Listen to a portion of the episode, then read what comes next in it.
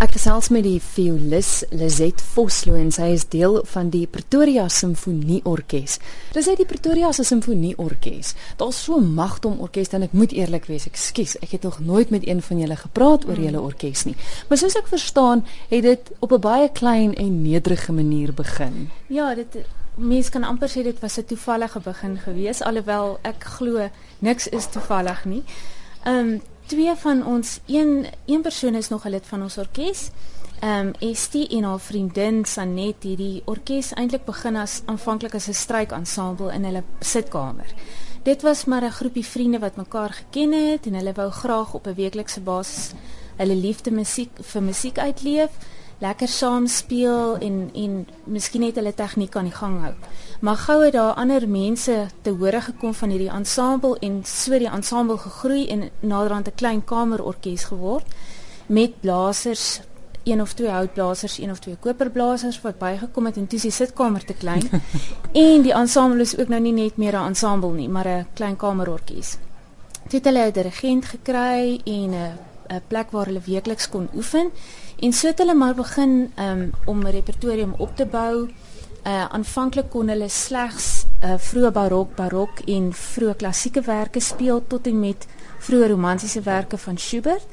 Um en hier in om, ongeveer 2005-2006 het hulle toe besluit hulle wil graag uh die orkes miskien na 'n volgende vlak te neem, 'n permanente dirigent kry wat toegewy kan werk aan vaste programme, um, met inhoud wat miskien gerig daarop is dat hulle die vlak stelselmatig kan verhoog.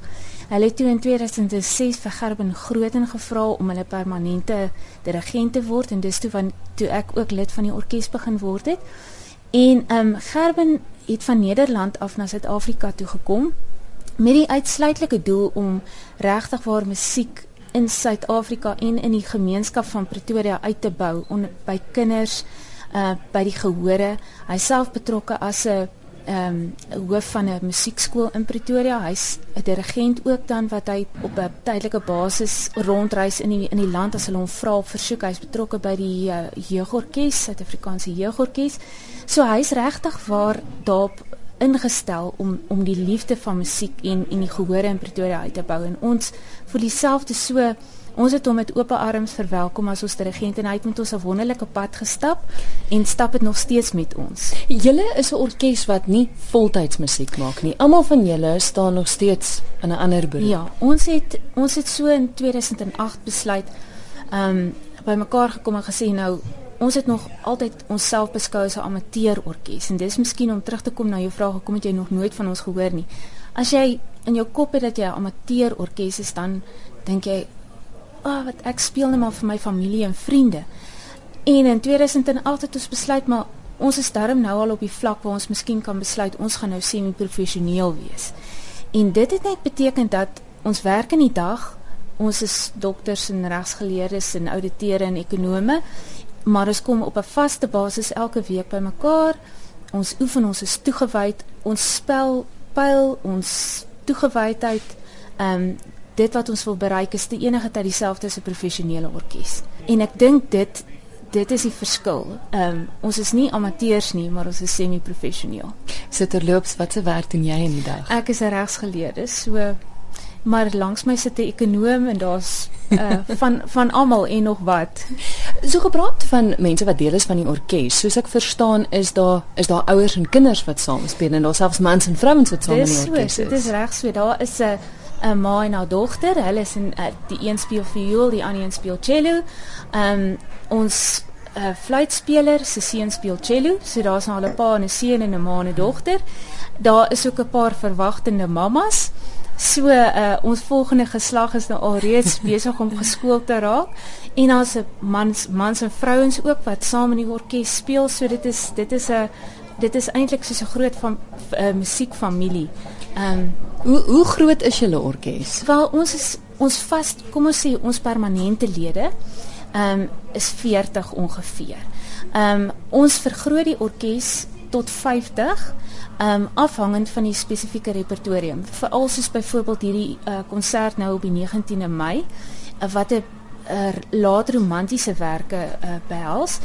daar is natuurlik nou meer koperblasers, meer houtblasers, ehm um, meer Franse horings byvoorbeeld, bietjie meer kontrabasse, meer ehm um, cellos. So dan vergroot ons die orkes om om die by die repertorium te kan aanpas, maar ons ons vaste lede permanente lede omtrent so 40. Maar uit die aard van die saak kan julle repertorium verbreed het as gevolg van die feit dat julle al hoe meer ja. geraak het oor die jare. Ja, en en ons beskou dit as dit is daar's altyd 'n oop deur. Hmm. So enige iemand ons standaard wat ons sê is min of meer graad 7, bloot net omdat jy dan meer gemaklik die repertorium sou kon kon uh, speel. Hmm. Maar daar's skoolkinders wat hier ehm um, al al reeds van vroeg af van hoërskool af begin hulle al te speel en hulle is deel van ons orkes en dit is regtig ware leerskool.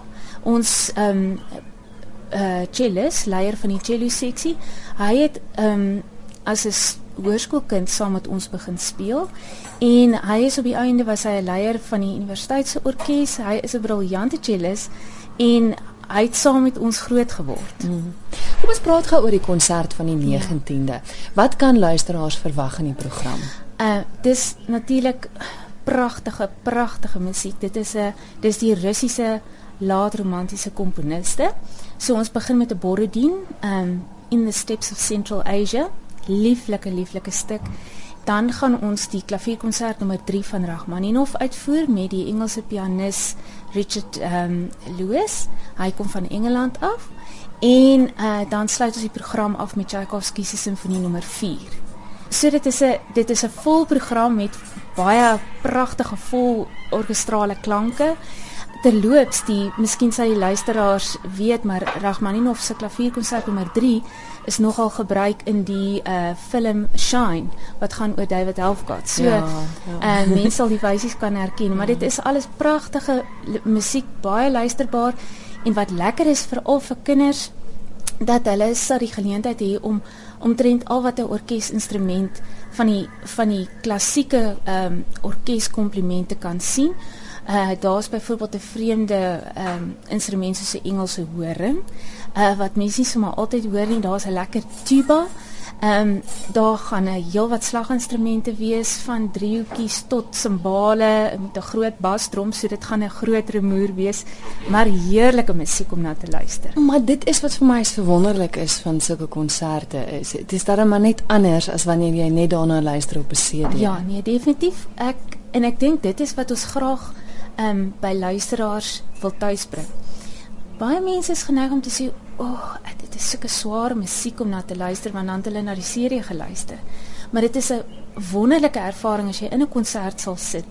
Van die oomblik wat die dirigent opkom en die konsertmeester opkom en sy die hobo vra om die A te gee en al die lede van die orkes begin stem en dan die stokkie van die dirigent wat tik tik op die staner en dan hierdie wonderlike klank en almal beweeg en die hele ervaring dit is regtig aansteeklik. En is elkeen eh, wat sy eie ding doen maar tog vorm dit hierdie ongelooflike geheel. Ja, ja. en dit is dit is asof daar's kommunikasie kommunikasie tussen ons met mekaar maar ook met die gehoor.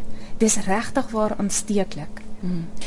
die 19de se konsert hoe laat vind dit plaas? Dit is 3:00 die middag So dit is op 'n lekker tyd. Almal se kos is al verteer. Hulle het al 'n middagslaapie gehad en is net voor die aanddiens. So 3:00 die middag by die Museum van die Universiteit van Pretoria. En hoe maak luisteraars om kaartjies te kry? Die kaartjies is beskikbaar by CompuTicket, maar daar sal ook by die deur kaartjies wees. Ons verkies natuurlik dat die mense by CompuTicket uh, bespreek bloot net omdat daar ook 'n uh, verversings gereël gaan word.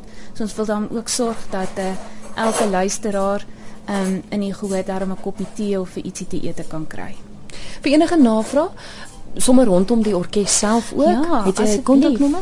Ons orkesbestuurder is uh Elaine Holiday en sy kan gekontak word by ons orkes se e-posadres en die e-posadres is pretoria.symphony@gmail.com. Die symfonie is die Engelse spelling.